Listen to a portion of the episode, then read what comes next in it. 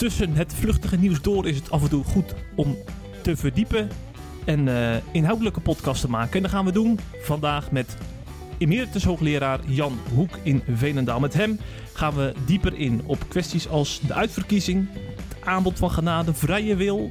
Dat zijn allemaal, allemaal gevoelige onderwerpen. En we hebben de afgelopen maanden gemerkt hoeveel debat het oplevert in de reformatorische gezinten. En dus is het tijd om daar wat inhoudelijker op in te gaan.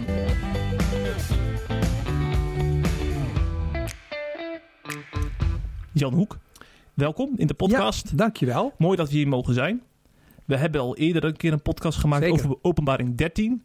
Ja. dat was toen vorig jaar in die coronatijd was het echt een gespreksonderwerp. Hè? Ook aanleiding van uh, preken over openbaring en de tijd waarin we leven. Nu gaan we het hebben over uh, uitverkiezing. En uh, roept God ons om de evangelie aan te nemen? Hebben wij er zelf een aandeel in? Dat soort vragen die spelen nu heel erg. Ja, dat zijn vragen die altijd uh, actueel blijven. Ja, hè? zeker. Ja. ja. met name ook in de reformatorische gezinten. Hè? Omdat ja. uh, daar natuurlijk ook veel nadruk op wordt gelegd in preken. Ja. En dokter Gert van der Brink, ja, we hebben hem al een paar keer aangehaald, ook in de podcast. Ja, die heeft natuurlijk in juli een uh, veelbekeken lezing gegeven hè, bij geloofstoerusting hierover. We gaan het niet allemaal nog een keer herhalen, maar dat is eigenlijk toch wel een beetje de aanleiding om nu even de diepte in te gaan. Want hij heeft natuurlijk de vinger op de zere plek gelegd, volgens velen, hè, bij uh, uh, collega-predikanten die heel eenzijdig dit onderwerp benaderen, of in zijn ogen zelfs vals, ja. door er, het evangelie daarmee te verdraaien. ik ben al toch even benieuwd hoe jij dat nou hebt ervaren. Want de afgelopen maanden was het echt een gespreksonderwerp. Hè? Ja, het heeft, is je niet ontgaan. Het heeft heel veel opgeroepen. Ja. Je, hoort er ook, je hoort het ook terug op allerlei plaatsen. Dat mensen het volgen en dat mensen erdoor uh, geraakt zijn, bij betrokken zijn. En dat komt denk ik ook vooral omdat uh, Van de Brink dat uh, ja, een keer heel scherp heeft aangezet. Hij heeft eigenlijk, zou je kunnen zeggen, de stormbal gehesen. Van mm-hmm. ja, er is, er is, er is nood. Er, is, er gebeurt in de prediking gebeuren dingen waar zaken fout lopen. En uh, ja, dat heeft hij echt sterk aangezet om daardoor werkelijk de discussie open te breken. Ja, ja. hij gebruikt de termen als levensgevaarlijke dwaling en ja. muizenval.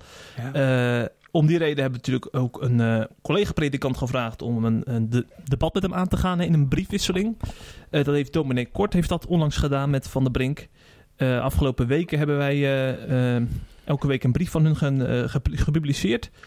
Hoe kijk je daarop terug eigenlijk, op uh, dat debatje? Ja, nou dat heb ik uh, toch wel wat als teleurstellend ervaren. Mm. Er is niet uitgekomen wat ik gehoopt had.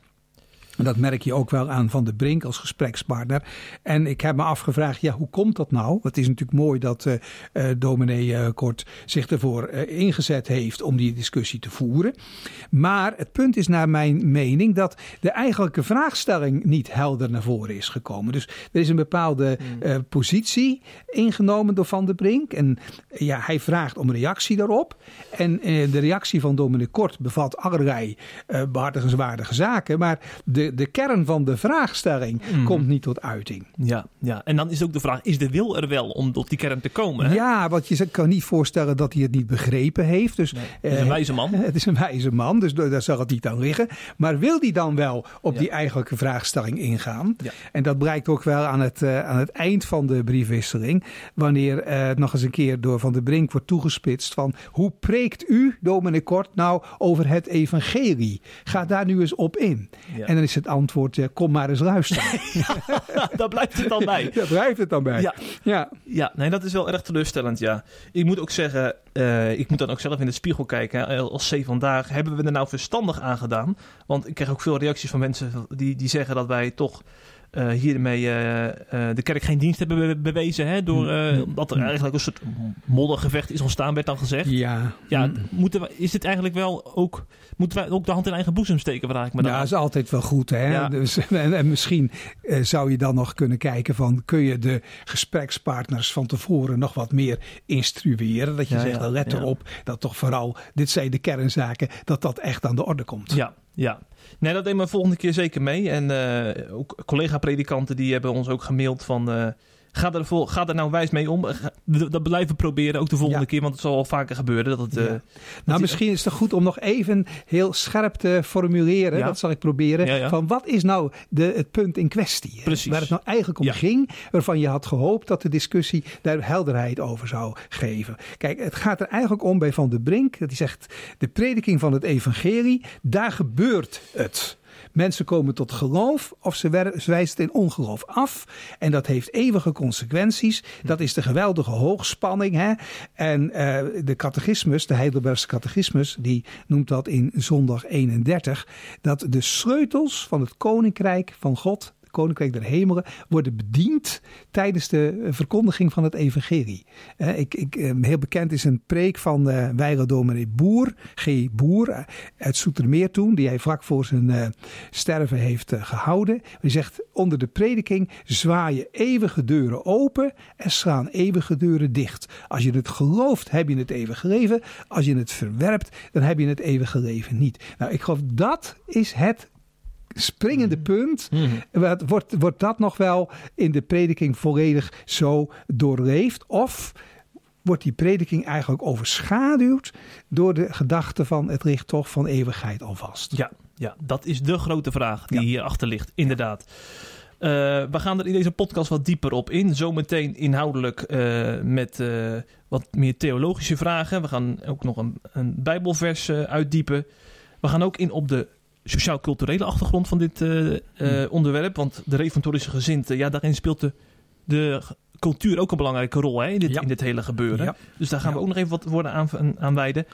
En we hebben wat uh, vragen toegestuurd gekregen van C vandaag lezers. Die, die, door de podcast heen komt er af en toe een vraag terug. Ja.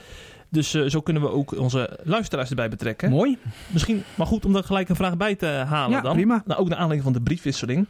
Uh, Bert Bazuin, die mailde hm? het volgende. De broeders, dus Kort en Van der Brink, halen in hun brieven Dordtse leerregels 2, paragraaf 5 aan, waar staat dat het evangelie gepreekt moet worden met bevel van bekering en geloof. De broeders keren deze volgorde om met bevel van geloof en bekering. Dit is niet juist, vertelt uh, Bert Bazuin. En hij verwijst dan naar Jezaja 56 vers 1. Oké. Jouw reactie, Jan? Ja, nou ja, het gaat hier over de volgorde. Of je zegt uh, geloof en bekering of bekering en geloof. En het is inderdaad waar, opmerkelijk, dat in de Dordtse leerregel staat bekering en geloof. Terwijl het in de briefwisseling een en ander maal gaat over geloof en bekering. Ik zou niet willen zeggen het ene is goed, het andere is fout. Het, het kan allebei. Uh, wanneer je kijkt naar uh, de wijze waarop uh, de Heer Jezus zelf het evangelie heeft gebracht. Dan zie je dat heel mooi in Marcus 1. En daar staat er: De tijd is vervuld, het koninkrijk van God is nabijgekomen. Bekeer u en geloof het evangelie. Bekeer u, sta stil, ga niet door op de weg die je gaat. Kom tot een hele nieuwe oriëntatie door het evangelie te geloven.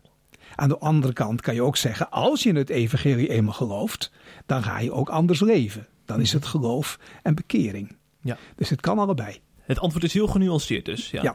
Dat, is, dat is belangrijk ook om te zeggen, want uh, soms zie je heel veel zwart-wit standpunten als het hierover gaat. Hè? Ja, en dan denk ik van, dit evangelie is veel te, ja, veel te genuanceerd daarvoor om, om daarin uit te Ja, dan is het, het woord eigenlijk altijd veel rijker ja. dan onze dogmatische concepties. Hè? Ja, ja. ja. Gaat denk ik ook terugkomen bij, uh, zometeen als we over de ellendekennis gaan hebben. Hè? Over volgorde en dergelijke. Want we gaan nu wat inhoudelijker erop in. Uh, als we nou het hebben over. Uh, of een opdracht hebben hè, om, om bekeerd te worden. Je hebt natuurlijk mensen die zeggen van ja, het hangt helemaal van God af. Hè? Ja. Hij, hij begint met uh, uh, het bekeringsproces, hij moet je roepen. Ja. En de ander zegt je moet zelf, de bal ligt bij jou als, als gelovige, je moet zelf die handschoen oppakken als het ware. Ja, ja, ja. Ja, ik, ik noemde net al even eh, de Heer Jezus, zijn prediking, zoals ik citeerde uit Marcus 1. En dan zie je dus dat Jezus heel erg appellerend preekt. Hè? Een, een, een appel doet op de mensen van het komt er nu op aan, het is één minuut voor twaalf, eh, de ommekeer. Een ander voorbeeld van hoe, hoe de Heer Jezus te werk gaat, dat zie je in de bekende Johannes 3. Daar heb je het gesprek van Jezus met Nicodemus, de nachtdiscipel. En dan wordt door de Heer Jezus heel duidelijk gezegd van, tenzij je wederom geboren wordt, kun je het koninkrijk van God niet binnengaan. Nou, totale vernieuwing is nodig van een mens. En die vernieuwing, dat kun je zelf niet, maar dat is het werk van God. Waar eindigt dat gesprek in? Hè, al zo lief heeft God de wereld gehad, dat hij zijn enige geboren zoon gegeven heeft. Dat een ieder die in hem gelooft niet verloren gaat, maar eeuwig leven hebben. Dus dan, dan is er weer het appel op diezelfde Nicodemus om te Hmm. geloven. Met andere woorden, dat je voor de genade, voor de bekering enzovoort 100% afhankelijk bent van God. Dat sluit niet uit dat je tegelijkertijd 100% verantwoordelijk bent. Van wat doe jij met het appel dat nu op je afkomt? Ja, ja. Het een komt niet in mindering op het andere. Ja, want in het geval van Nicodemus kun je dus zeggen van eh, God eh, is al een werk in hem begonnen. Hè? Ja. Eh, Ja. Want hij... Hij is onrustig geworden. Precies, Ja. precies. Maar uiteindelijk, als Nico, Nicodemus moet zelf ook wat doen. Ja, Hè? ja, ja, hij moet geloven. Ja. Precies, daar wordt hij toe geroepen. En eh, ja, dan zie je dat God het ook laat gebeuren. Dat mensen in besef van hun verantwoordelijkheid eh, tot geloof komen. Dus wij hebben altijd met twee woorden spreken. En, ik zal nog een voorbeeld geven eh, uit Openbaring 3. eh, de, de brief van Jezus vanuit de hemel aan de gemeente van Laodicea. Zie, ik sta aan de deur en ik klop. Ja. Die iemand open doet, dan zal ik met hem de maaltijd houden. Hè? Dus je moet open doen. Waarom doe je open? Omdat die stem van Jezus, die raakt je in je hart en je, die wordt onweerstaanbaar. Dus het is tegelijkertijd weer de 100% genade, 100% verantwoordelijkheid. Mhm. Ja, ja, ja. Ik denk dat heel veel mensen hier wel in mee kunnen komen. Maar dan op een gegeven moment zie je ook dat zie je ook vaak als iemand eenmaal tot levend geloof is gekomen. Ja, eh, dan vervalt men ook vaak terug in oude gewoonten of, Ja. of, of eh, negatieve, negatief gedrag. ja. En eh, eh, dan zijn, is het niet altijd even, even zichtbaar dat je, dat je zeg maar een nieuw leven hebt gekregen. Hè? Mhm. En, en dan gaan Mhm. mensen ook heel vaak twijfelen van ben ik nou wel echt bekeerd? Hè? Want ik, doe, ik denk weer aan, eh, aan, Hmm. aan, zondige dingen. Of, Hmm. of ik, ik doe al dingen die, niet, die God verboden heeft. Hmm. Begrijp je die twijfels dan ook? Ja, ja, ja. Kijk, er er is een gezonde twijfel en er is een ongezonde twijfel, zou ik zeggen. Een ongezonde twijfel, dat is de twijfel van het ongeloof. De- ga je vraagtekens zetten, is de Heer wel trouw? Doet hij wel wat hij beloofd heeft? Dat is ongezond dat is ongezond, want dat is ongeloof. En ongeloof is verkeerd. Hè? Ongeloof is zondig.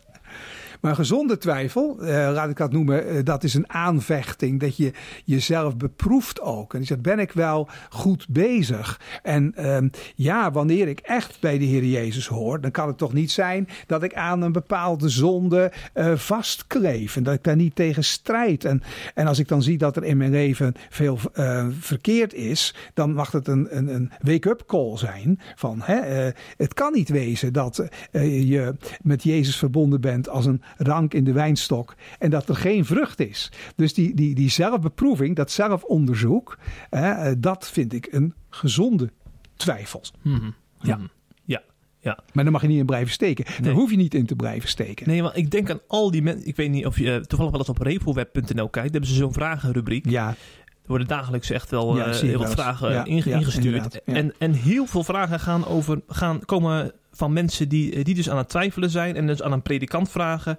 ja. eh, eh, aan de predikant vragen of, of ze nou echt slecht bezig zijn. Omdat ze dus inderdaad met die twijfels te maken hebben. Ja. En, en, en daardoor verdwijnt zeg maar het evangelie ja, echt uit zicht. Want ze worden helemaal teruggeworpen op zichzelf daardoor. Het is echt heel pijnlijk om te lezen, vind ik altijd. Ja, zeker, ja, zeker. Uiteindelijk dan zul je altijd weer terug moeten komen op degene die je roept. Hij die je roept, God die je roept, is Ja. trouw en die zal het doen. Hm. En op de belofte van de Heere God. Dat zijn de, als het ware in het moeras van de twijfel, zijn de beloften van God, de, de rotsblokken waar je stap voor stap eh, overheen gaat en zo over het moeras heen komt. Ja. Maar als je zegt van, steeds weer terugwerpt van ja maar, ja, maar je zegt wel dat je vertrouwt, maar is dat vertrouwen wel eh, helemaal 100% zuiver op de graad en is het Mhm. wel eh, eh, vi- 24 karaat goud, dan ga je steeds in jezelf graven en dan kom je, dan kom je er niet uit. Dan, dan. Ja. kom je in een, eh, in een maalstroom terecht. Ja. Wat me dan ook afvraagt bij, dit, bij deze kwestie.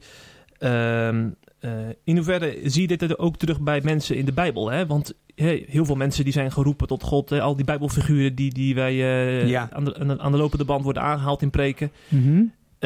zijn die dan ook in zichzelf aan het graven op een gegeven moment? Of gedragen ze zich heel anders? Ja, ik denk dat je in de Bijbel zelf, uh, ja, kijk in de psalmen, maar ook zeker in het Nieuwe Testament, in de brieven, kom je eigenlijk deze permanente onzekerheid niet tegen. Opvallend, hè? Dat is heel opvallend. Hè? En je kunt ook kijken naar, naar de wereldwijde kerk of de kerk door de eeuwen heen. Dan denk ik wel eens, ja, die, die, die permanente twijfel van, heb ik er wel deel aan? Geldt het wel voor mij?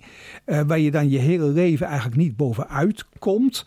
Dat komt alleen maar tegen in, dat kom je alleen maar tegen in, in die in Nederlandse kringen en, en, en of in sommige Schotse kringen uh, van de, na de reformatie of het puritanisme en de uitropers daarvan. Maar in hele andere delen van de wereldkerk heb je dat helemaal niet. Nee, nee, nee. Dus dat geeft toch wel te denken. Ja. Ja. Nou, dat komt denk ik nog wel aan de orde bij dat ja, sociaal-culturele ja. blokje van ja. zometeen. Ja, zeker. Uh, maar in ieder geval goed om te weten, dus dat, uh, dat, dat om, om, het, om het onderscheid te maken tussen gezonde en ongezonde twijfel. Heb je ja. dan mooi, mooi verwoord. Daar kunnen we wat mee. En dat brengt ons bij een vraag van uh, Annette Paans, een andere ja. vandaag lezer. Uh, hè, als het dan gaat ook over uh, de weg van, van gehoorzaamheid gaan. Dat gaat dus gepaard met vrucht dragen. Ja. En, dan, en zij wil dan weten, hoe zou u die vrucht van het geloof dan omschrijven? Hè, want dan zijn mensen natuurlijk ook naar op zoek. Ja, ja, ja. ja. Je kan kijken naar uh, Galaten 5, wat daar gezegd wordt over de vrucht van de geest. Je kunt het ook zo zeggen, de vrucht van het geloof is dat je Jezus leert navolgen. Dat betekent dat je met vallen en opstaan de weg gaat die Jezus gegaan is. Dus dat je een beetje op hem gaat lijken. Kijk maar naar de bergreden, hè, de Matthäus 5 tot en met 7. Waar loopt het op uit dat de Heer Jezus zegt: Zalig, behouden, gered zijn de mensen die mijn woorden horen en ze doen. Hè?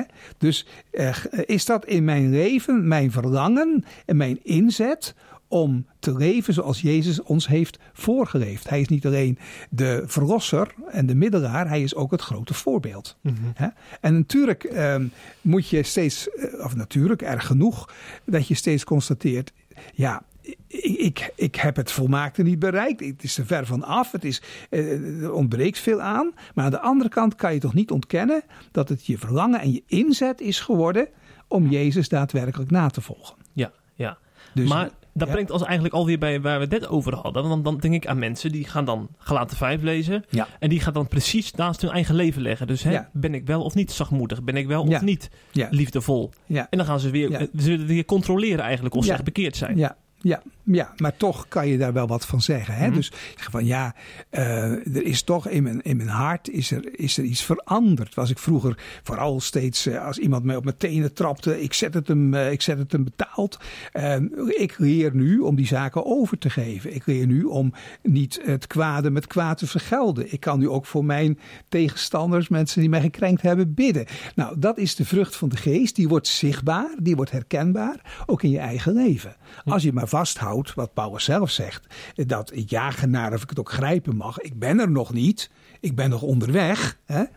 Maar dus je moet niet naar volmaaktheid in die zin zoeken, maar wel naar oprechtheid. Mm -hmm. He, je moet toch van, van jezelf kunnen zien van, heren, het is mijn verlangen om die weg te gaan. Ik heb het erg moeilijk mee, ik kom er veel aan tekort. Helpt u mij alsjeblieft elke dag, maar u weet het dat het mijn verlangen is. Ja, ja, ja. ja. En dat is natuurlijk het grote verschil bij mensen die, uh, die eigenlijk er buiten staan, om even zo te zeggen. Ja.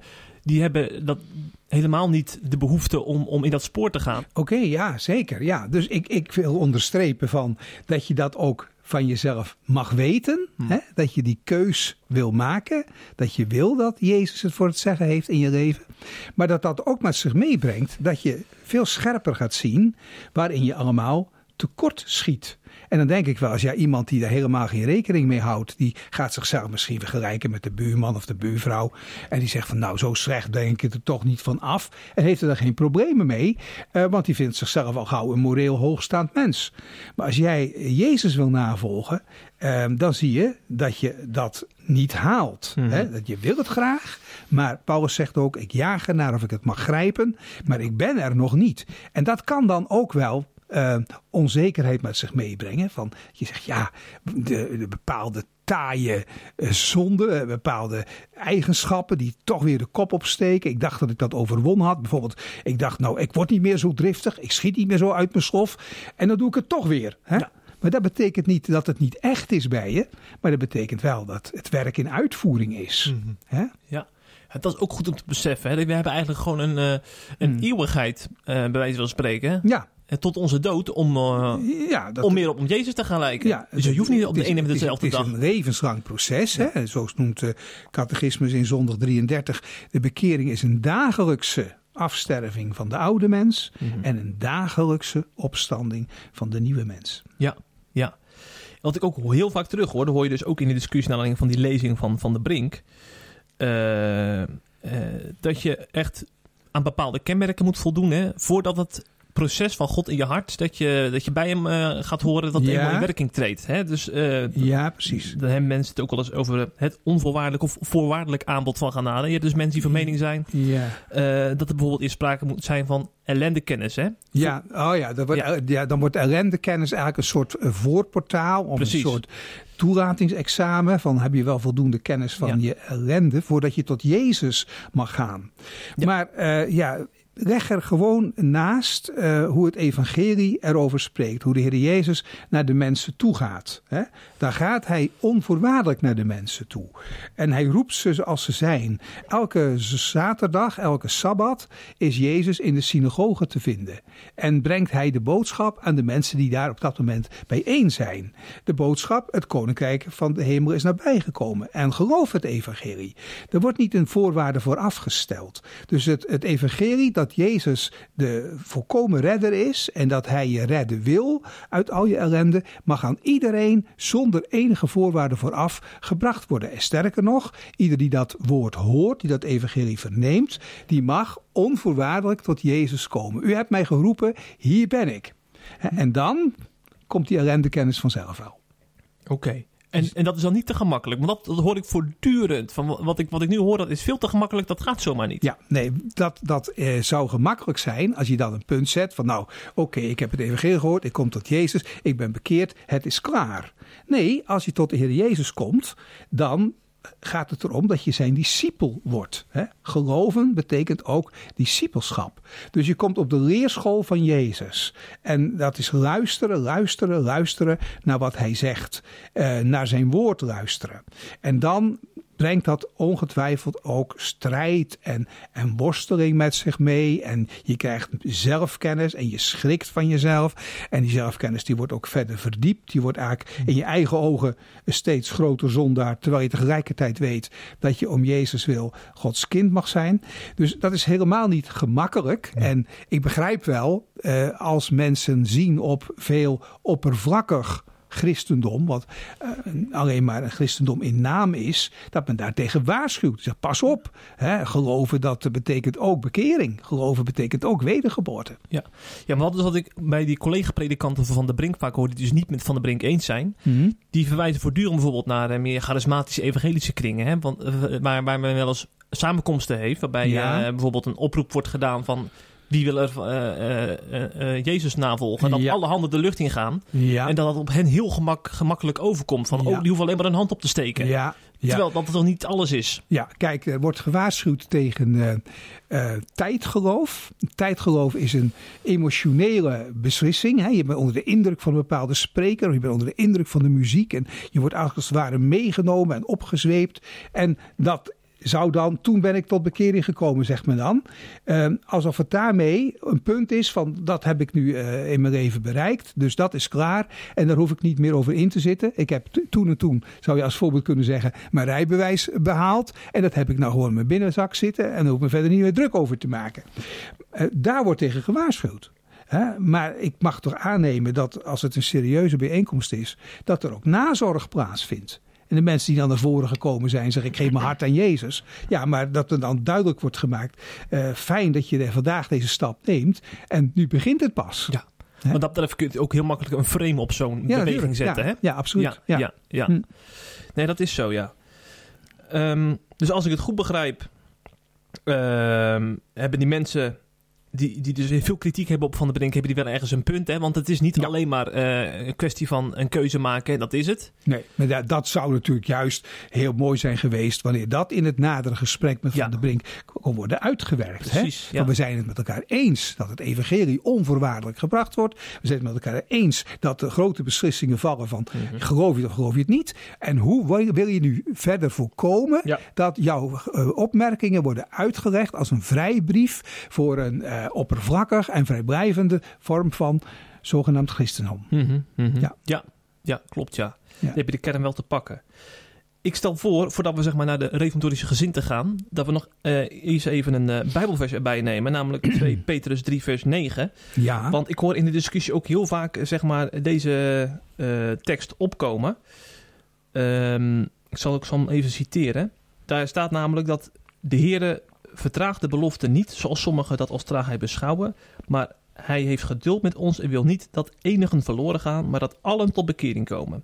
En vooral dat laatste, hè, dat de, de, de, wil van God is dat iedereen tot bekering komt. Dat leidt tot heel veel misverstanden en misinterpretaties, is mijn indruk. Ja, want, want collega-predikanten van de Brink uh, die zeggen dan van uh, mensen die met zo'n tekst aan de haal gaan, die, die, die, die, doen het veel te gemakkelijk. Alsof God de hele mm. wereld uitverkiest. Mm, ja, laat elke tekst staan in zijn eigen kracht. Hè. Ga niet onmiddellijk door uh, zeg het klopt dogmatisch niet of zo, zo'n tekst eigenlijk een beetje wegpoetsen.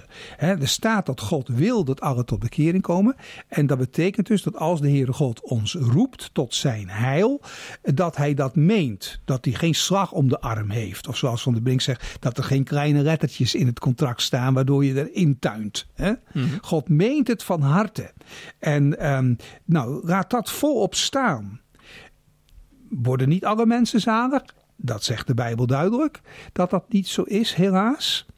Betekent dat dan dat de Heere God dan als het ware onmachtig wordt gemaakt? Ja, misschien kunnen we eerst die vraag dan erbij halen als je erop ingaat. Ja. Want Peter Overduin, uh, een van onze lezers, die had ook de vraag ingestuurd. Hè, als God wil dat, uh, als Gods wil niet tot vervulling komt, dan zou er sprake zijn van onmacht van God, hè, zoals je net benoemt. En hoe verhoudt zich dat dan met Psalm 33, vers 9? Ervan uitgaande dat het evangelie ook een bevel is, is zijn vraag. Ja, God gebiedt en het staat er, God uh, beveelt en het is er. Alles wat God eh, wil, dat wordt uh, uitgevoerd, want God is de Almachtige. Niets kan zijn plannen dwarsbomen. Dat is ook een heel duidelijke Bijbelse lijn. Hoe kan het dan zijn dat als God wil dat alle mensen zalig worden, dat ze dan toch niet allemaal zalig worden? Want wat kan er dan tegen Gods wil ingaan? Nou, dat is natuurlijk een hele diepgaande vraag. En nadenkend over die vraag hebben ze gezegd in de theologie: kijk, uh, wij zijn hele kleine mensjes en we kunnen God niet uh, doorgronden. Maar als we spreken over zijn wil, dan moeten we met twee woorden spreken. Zegt de Gods geopenbaarde wil. Kom naar mij toe, wordt behouden, alle einden van de aarde.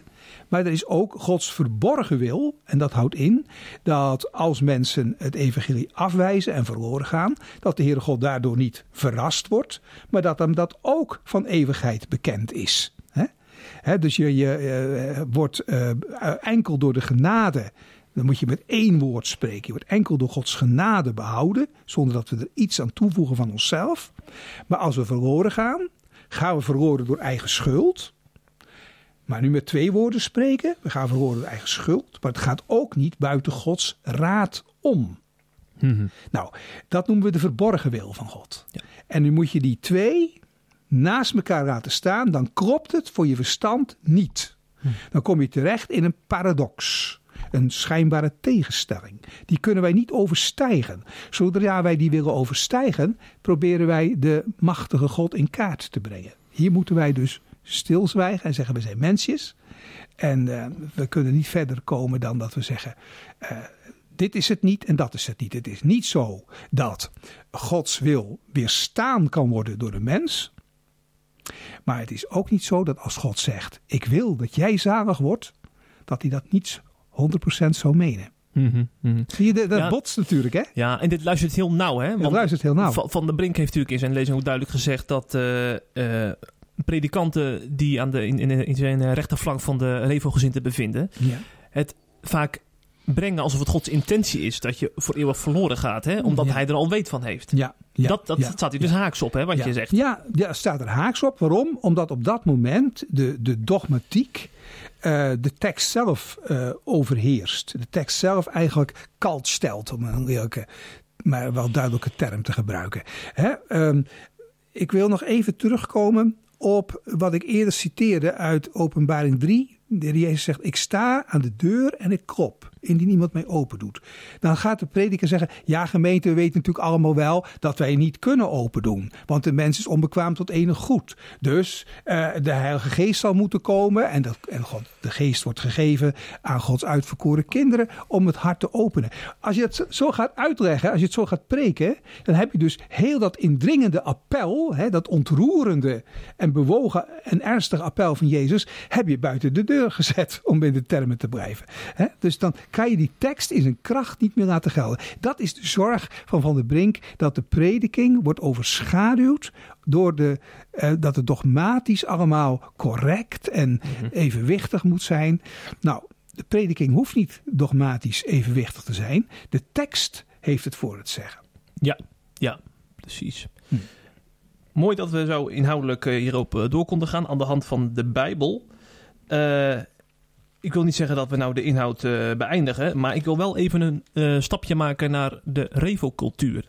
Want ik geloof namelijk, uh, hè, wanneer, dat, wanneer we die predikanten willen begrijpen die, die zo anders prediken, hè, die ja. waar dus Van de Brink zoveel kritiek op hebt, ja. dat je ze ook moet willen begrijpen, hè, waar Zeker. ze zich nou bevinden. Ja. Want ik, ik, wij, ik weet niet, jij, jij kent misschien ook wel mensen uit die, uit die gezin. Ja, ja, die, die, hebben het hart absoluut op de goede plaats. Die bedoelen het helemaal niet verkeerd, hè, als, als deze boodschap vanaf de kansel klinkt. Ja. Uh, maar toch gaan dus op dit, op dit gebied uh, de wegen uiteen. Ja. Uh, en dan vraag ik mij dus af, wat, heeft de reformatorische cultuur hier ook mee te maken? Dus in, ja, ja. De, zeg maar de plek waar ze zich bevinden, in, in het kerkelijk landschap, ja. zijpelt dat door deze discussie ook heen? Ja, kijk, ik kan mij heel goed voorstellen, je geeft het ook aan in je vraagstelling, dat er predikanten zijn in de rechterflank van de gereformeerde gezinten, die zich uiterst pijnlijk getroffen voelen door de woorden die Van de Brink gesproken heeft, als hij ook gezegd heeft over het verduisteren van het evangelie of over uh, leraars. Uh, terwijl ze het van harte goed bedoelen. En ook zeg maar het heil, de zaligheid aan hun ieder gemeentelid en aan ieder mens van harte gunnen. En ze willen ook niets liever dan trouwe dienaren van het woord van God zijn. En ze zijn er ook biddend mee bezig. Dus dan, dan, dan valt het wel heel koud op je, op je dak, om zo te zeggen, als het zo gesteld wordt. Um, maar goed, dat is zo gesteld om een goede uh, discussie open te breken. Um, ik denk dat we moeten zien dat er een hele uh, eeuwenlange ontwikkeling heeft plaatsgevonden in het gereformeerde protestantisme. Waardoor er uh, ja, eenzijdigheden optreden. Kijk, we hebben natuurlijk in het begin, in de 16e, eh, 17e eeuw, hebben we het remonstrantisme gehad in Nederland, het Arminianisme, waarbij eh, toch wel gezegd werd dat de menselijke vrije wil een factor is om zalig te worden.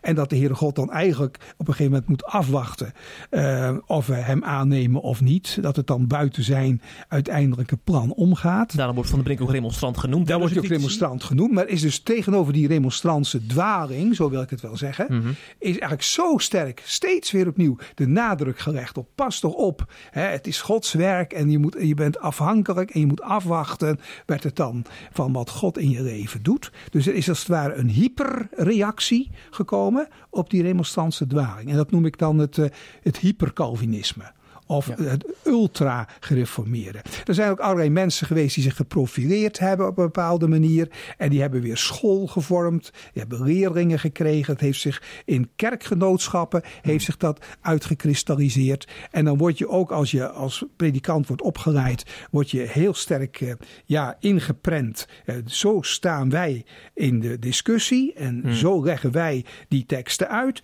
En het gevolg daarvan is mijns inziens dat er een gebrek gebrek komt aan onbevangenheid.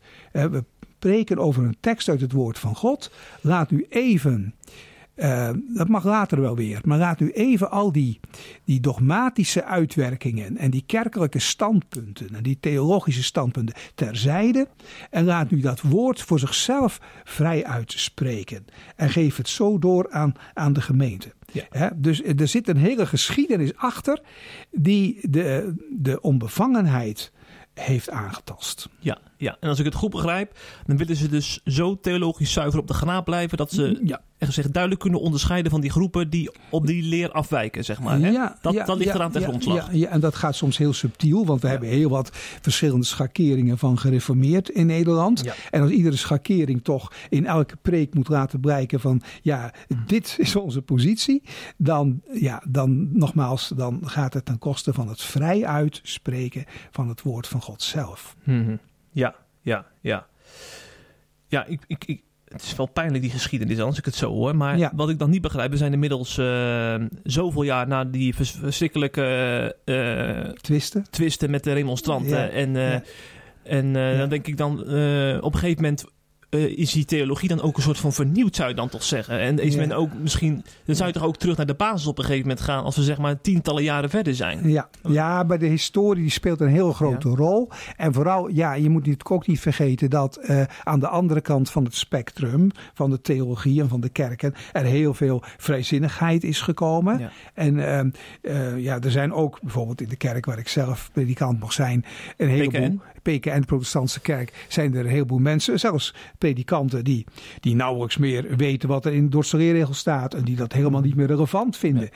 dus eh, dat, dat is natuurlijk ook een front waartegen je uh, hebt te verdedigen en waardoor mm. het je toch die geschiedenis meeneemt en mee moet nemen. Hè?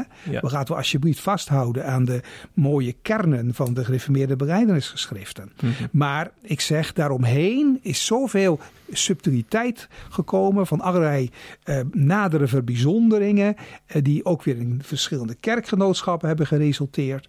Dat vind ik wel een negatieve erfenis. Ja, ja. Van der Brink had het letterlijk over een groot probleem. En ik vraag me nou even af, uh, is dat ook zo? Hè? Want uh, kerkelijk Nederland is natuurlijk best wel groot. Hè? Ja. En als je het hebt over het hypercalvinisme, als, je, als je dat zeg maar op het groot, in het grote plaatje bekijkt, dan denk ik, je, je zou het misschien ook groter kunnen maken. Mm -hmm. Dus ik vraag me dan even af of hij een punt heeft dat we hier met een groot probleem te maken hebben. Zijn er echt zoveel predikanten die dan theologisch de plank uh, misslaan. Ja, ja, nou ja, het is niet een vechten tegen windmolens. Uh, het is wel gericht, heel duidelijk, naar een bepaalde kant. Uh, hij, hij, hij signaleert zaken die spelen ik noemde net al even de rechterflank van de gereformeerde gezinten. Als je een andere kant op kijkt, dan moet je weer hele andere stormballen hijsen. Dan moet je weer hele andere waarschuwende woorden laten horen. Maar het is niet uit de lucht gegrepen dat er toch ja, door een bepaalde vereenzijdigde prediking mensen die oprecht geloven, die de Heer Jezus eh, echt van harte lief hebben, nooit doorbreken tot een vrijmoedigheid van het geloofsbeleiden. Ze durven toch nooit zichzelf echt als kind van God te zien. Ze durven geen deel te nemen aan de maaltijd des Heren, aan het heilig avondmaal. Ze blijven onzeker over hun eeuwige toekomst. Als je een verhaal hoort, wat een predikant mij vertelde, van uh, een, een ouder echtpaar, elke zondag in de kerk, elke dag lezen in de Bijbel, elke dag bidden. Maar ze zeggen tegen de dominee die op huisbezoek komt, ja, wij bereiden ons er samen maar op voor dat we de eeuwigheid in de hel zullen doorbrengen. Wordt letterlijk gezegd. Letterlijk gezegd. Mm, mm. Want ze hebben bepaalde kenmerken niet die een bekeerde man of een bekeerde vrouw in de gemeente wel heeft. Nou, dan, dat grijp je zo aan. Hè. Die mensen zouden zo uh, kunnen genieten van de enige troost in de Heer Jezus Christus. En ze komen er niet aan toe ja, door bepaalde zaken die bij hen ingeslepen zijn, uh, hun leven lang. En nou, zelfs wanneer er dan een dominee op bezoek komt die zegt: Ja, maar het, hè, het heil is toch in Christus ook voor jullie. Komt tot mij die vermoeid en belast zijn. Dan durven ze die dominee niet te, niet te geloven, want die dominee is misschien wel te licht. Zo diep zit het. Zo dus. diep zit het. Mm -hmm. ja. ja, en al die verhalen die heeft Van de Brink de loop der jaren ook gehoord hè, in zijn pastoraat. Precies. En ik denk dat hij daarom ook zo bewogen is met al die mensen. En niet dacht van: Ik moet hier echt wat van gaan zeggen. Dat is de bewogenheid. Ja, ja, ja. ja. Want uh, als je het. Uh, ja, het is moeilijk om het in getallen te, zeggen, maar we hebben dan toch wel over duizenden mensen. Ik ben er bang voor, ja. Die, die zondag onder deze prediking zitten. Ja, ja, ja. En, en daar eigenlijk dus in vastlopen. Dus. Ja, ja, ja. Ehm, en, en er zijn zoveel goede voorbeelden uit onze eigen traditie. Uh, kijk naar, uh, kijk naar, naar ja, de, de bereidersgezichten zelf. Kijk naar Calvijn. Kijk naar de wijze op de Dordtse regels spreken over dat God met ernst en mm. met bewogenheid roept. Kijk naar uh, Wilhelmus Brakel of Alexander Comrie van, over eh, in het ABC van het geloof. Je mag het ja. aannemen, zegt hij. Nou, er zijn zoveel voorbeelden uit onze eigen gereformeerde traditie die men zou kunnen navolgen. Om nou eens niet steeds drempels op te werpen en prikkelsdraadversperringen aan te leggen. Maar van harte en bewogen te nodigen. Kom tot de Heer Jezus. Hij wacht op je zoals de Vader in Lucas 15 staat te wachten op de verloren zoon. Hmm. Maar wat ik nog niet begrijp. Uh, uh, dominees die zeg maar een andere lijn aanhangen, dus van de Brink. Die, die beroepen zich voortdurend op, op die beleidingsgeschriften. Op de dorsaleerregels, op de Heidelbergse catechismus. Ja, en, maar het wordt gelezen dan, zeg ik toch, in veel, veel gevallen wordt het weer gelezen door de bril van de latere okay. ontwikkelingen, van de latere controversen. Mm. Ja. Ook dan weer, ook ten aanzien van de beleidenisgeschriften geldt dat er een gebrek is aan onbevangen lezen. Ja, ja want dat, dat vraag ik me dus af, want van der Brink die beroept zich ook op die geschriften en die beweert het tegenovergesteld. Dus ik denk dat in, ja. in die geschriften kan toch niet twee, twee verschillende nee. boodschappen verkondigd nee. worden? Nee, is ook niet zo. Dus, dus het heeft echt met die bril te maken die je ja. dan op hebt. Ja, ja, ja, ja. ja, ja. Zo, ja, ik vind het eerlijk gezegd toch wel schokkend hoor. Ja. Uh, uh, en ik vraag me dan ook af, is er überhaupt dan ook, hè, als, als we het hebben over uh, zeg maar de ultra-reformatorische broeders, of, of er dan ook wel uh, een brug te slaan is. Want ik heb wel eens het idee. Uh, de, de, de visies zijn zo verschillend. Hmm. Dat, je, dat je die niet, niet bij elkaar gaat krijgen. Nee, en dat je nee. dus zo'n briefwisseling hebt zoals we die hebben gehad. Ja, ja, ja. Kijk, uh, je zou. Je zou uh, natuurlijk idealiter uh, rondom de open Bijbel en, en, biddend zou een gesprek vruchtbaar moeten zijn. dat voorop. Maar vervolgens zijn er naast de Bijbel en naast de beleidingsgeschriften ook niet uh, gemeenschappelijk aanvaarde autoriteiten, hè? Bepaalde, bepaalde predikers, bepaalde schrijvers. Zeg nou, waarvan we van, van de verschillende kanten binnen die discussie in de gereformeerde gemeente, gereformeerde gezinten zeggen van die, hebben, die verdienen respect, die hebben ons wat te zeggen. Dat we samen ons daarin verdiepen en dan kijken of we niet die, uit die schuttersputjes kunnen komen en of we die tegenstellingen niet kunnen overstijgen. En dan moet je niet beginnen met bepaalde voormannen van één kerkgenootschap. Um, dan, want dan weet je dat de aanhangers zijn het ermee eens en de anderen niet. Maar mensen die dat overstijgen, en die zijn ja. er toch, ik heb net al een paar namen genoemd, die zijn er toch in de geschiedenis mm. van de gereformeerde gezinten. Mm -hmm. Ja, dus daar kun je bij beginnen. Ja. In ieder geval. Ja, oké. Okay. Um, oh ja, ik moest even denken aan een, uh, een dominee. Uh, die, zei, die zei in aanleiding van deze discussie tegen mij: van ja, als die van de Brink gelijk heeft, die komt uit dezelfde kerk als hij. Als ja. die van de Brink gelijk heeft, dan, dan, moet ik al mijn contacten met de broeders uit deze kerk moet ik verbreken, want dan, dan zouden het ketters zijn, zegt hij. Daarom, daarom heeft hij zoveel moeite met deze boodschap. Ja, dat lijkt me, een, een, een, dat lijkt me geen goede conclusie. Nee. Uh, het is natuurlijk altijd wat moeilijk als er geen namen genoemd worden. Dat heeft Van der Brink uh, expres niet willen doen. Hij heeft geen namen genoemd. Klopt, klopt. Hij heeft uh, algemene aanduidingen gegeven. En dan is het ja, de vraag op wie is het precies van toepassing. Wie de schoen past, die trekken hem aan.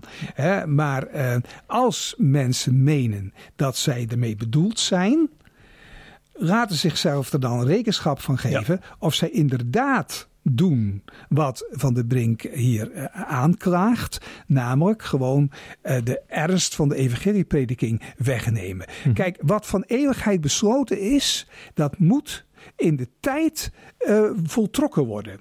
Um, dat zegt Van der Brink ook. Dat wil ik nog graag nog even onderstrepen. Mm -hmm. Je kan zeggen, kijk, het is van eeuwigheid besloten dat Jezus als de Zoon van God zichzelf als offer zal geven op Golgotha. Dat ligt vast in de eeuwigheid. Jazeker. Maar als het nou niet gebeurd was, dan was er niets van het heil terechtgekomen. Het kan wel besloten zijn, maar het moet ook nog een keer gebeuren. En zo is het ook. Je zegt van eeuwigheid is besloten wie er zalig wordt. Maar het zou wel hier en nu in het leven moeten gebeuren. En het gebeurt waar het evangelie gepredikt en geloofd wordt. Mhm. Ja, Nou, daar kan je toch niet, niet meer oneens zijn, zou ik zeggen. Mhm. Ja, ja. Klare wijn. Oké. Eh, ik stel voor om nog met één vraag af te sluiten en er eentje te schrappen gelet op de tijd. En eh, de zeven vandaag lezers die niet aan bod zijn gekomen, die mogen nog een, een mailtje van jou verwachten, Jan. Hè? Ja, als ik hun vragen Ja. toegemaild krijg, dan Ja. wil ik erop ingaan. Precies, want we hebben best wel wat vragen gekregen en we kunnen natuurlijk niet Ja, alles behandelen. nee, dus wij moeten een beetje selecteren. Maar wij sluiten af met een vraag van C Vandaag lezer Arjan van Soest. Ik lees hem even helemaal voor, want het is een, eh, ook wel een inleidende opmerking gaat eraan vooraf. Misschien kan eh emeritus hoogleraar Hoek nog wat meer op passtelle wijze ingaan op mensen die werkelijk zoeken naar het heil, maar desondanks voortdurend op zichzelf worden teruggeworpen vanwege prediking in de rechterflank van de reformatorische gezinten. Vaak zie je dat bepaalde mensen tot aan het eind van hun leven toe zichzelf niets kunnen of durven toe-eigenen. Maar je mag toch hoop hebben voor deze, hoop hebben voor deze mensen. Wat kan je daar nu concreet aan doen, vraagt hij. Ze zijn in hun leven zo op zichzelf gericht eh, omtrent hun zielenheil dat er voor de omgeving zo weinig zegen overblijft. Ze missen hun hele leven zekerheid, maar hebben toch een godvruchtig leven. Echter getuigen ze zo weinig omdat ze met zichzelf in de knoop zitten. Dus hij wil eigenlijk een soort handreiking. Ja, we hebben het er wel even al over gehad. En we herkennen, we herkennen dit. Hè, dat er zulke mensen zijn. En eigenlijk, ja, je, houdt van ze. Want het zijn mensen met een grote levensernst. En ze zijn ook eh, dagelijks bezig met de dingen van Gods koninkrijk. Ehm, we blijven, dat is de eerste opdracht, om, om te blijven bidden dat deze mensen toch tot die doorbraak en tot dat licht mogen komen. En vervolgens ook het niet opgeven om met hen eh, liefdevol en bewogen in gesprek te zijn. En telkens met hen samen toch de Bijbel te openen. Want eh, weet je, je kan wel denken dat het. ehm, eh, v- v- vruchteloos is. Maar de Heilige Geest die, die kan ook weer voor verrassingen zorgen. En dat die doorbraak toch komt. En dat een enkel woord het hart raakt. Ik denk dat het hier gaat over mensen die gelovig zijn. Mensen die kinderen van God zijn. Ehm, ze zitten als berooide bedelaars met hongerige magen op een, op een bank van goud.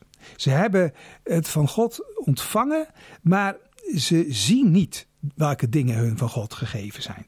En dat is aangrijpend. Daar heeft ook de prediking soms schuld aan, of opvoeding, of andere factoren. Kan zelfs ook nog weer eh, te maken hebben met bepaalde eh, psychologische kwesties, psychische factoren. Hè, met een, een, eh, zwaarmoedigheid en van alles speelt hier een rol. Laten we elkaar niet loslaten. Laten we blijven bidden voor elkaar. En laten de dominees die veel van deze mensen tegenkomen in hun gemeente, zich ernstig afvragen of ook hun prediking daar niet mede debet aan kan zijn. Ja, in de spiegel durven kijken ook, Juist. dus hoor ik je Ja. zeggen. Ja, ja. En dat was toch eigenlijk heel, de hele opzet van Van de Brink. Ja, ja een spiegel voorhouden. Een spiegel voorhouden. Ja, ja. Ja. ja, precies. En ik zou dan zeggen, wie de schoen eh, past, die trekken hem trekken aan. hem hè? Ja, ja. Jan, ik hoop dat eh, deze podcast mag bijdragen aan wat meer Ja. inhoud. Ja, en eh, eh, hopelijk ook minder hete hoofden en minder koude harten. Want dat moeten we natuurlijk vooral niet hebben. Maar wel dat er ook hè, thuis aan de keukentafel of zo... dat daardoor mensen echt tot elkaar gaan komen. Hè? Van, ja, laat het gesprek vooral voortgaan. precies. In alle openheid. En dat die Ja. rijkdom van het evangelie echt boven tafel komt. Precies. Dat hebben we natuurlijk allemaal voor ogen uiteindelijk. Daar gaat het om. Ja. Eh, misschien goed, oh, Jan, eh, het is een beetje spontaan, maar je hebt eh, niet zo lang geleden, en volgens mij met collega Verboom, een keer een boek geschreven dat toch ook aan deze thematiek. eh, Ja, dat is waar. Ja, ja, ja. De collega Verboom, ook emeritus hoogleraar die heel veel zich bezig heeft gehouden met de Heidelbergse catechismus en met de andere beleidingsgeschriften. En we hebben samen een boek geschreven over de vragen rond uitverkiezing. En het boek heet Ik zie een poort wijd openstaan. Dat het geloof in de verkiezende God juist zoveel ruimte geeft. In plaats van dat het de dingen dichtsnoert. ja, dus mocht je nog met, eh, met vragen zitten naar aanleiding van de podcast en je wil nog meer verdie- verdieping, dan kun je dus dat boek aanschaffen en dan heb je pagina's lang uitleg over hoe dat nou theologisch zit. Dus dat begrijp ik goed. Zeker, dan eh, wordt er heel uitvoerig de tijd genomen, ook met allerlei teksten die vaak als eh, struikelblokken functioneren, Ja. om te laten zien dat dat in werkelijkheid teksten zijn die juist hoop bieden. Mhm. Ja. Jan, bedankt voor je inzichten, voor je bijdrage aan de podcast. En ik zou zeggen, we komen een volgende keer weer langs als er weer eens wat in, het, uh, in de actualiteit is op theologisch vlak. Ja hoor, prima. Hartstikke mooi. Mooi. En tegen de luisteraars zeg ik uh, vast volgende keer weer een nieuwspodcast met of een gast of een collega-redacteur. In ieder geval, we zijn er snel weer, binnenkort. En bedankt voor het luisteren. Hopelijk heb je genoten van deze C Vandaag podcast. Volgende week is er weer een nieuwe aflevering. En blijf via cvandaag.nl op de hoogte van het laatste nieuws uit Christelijk Nederland.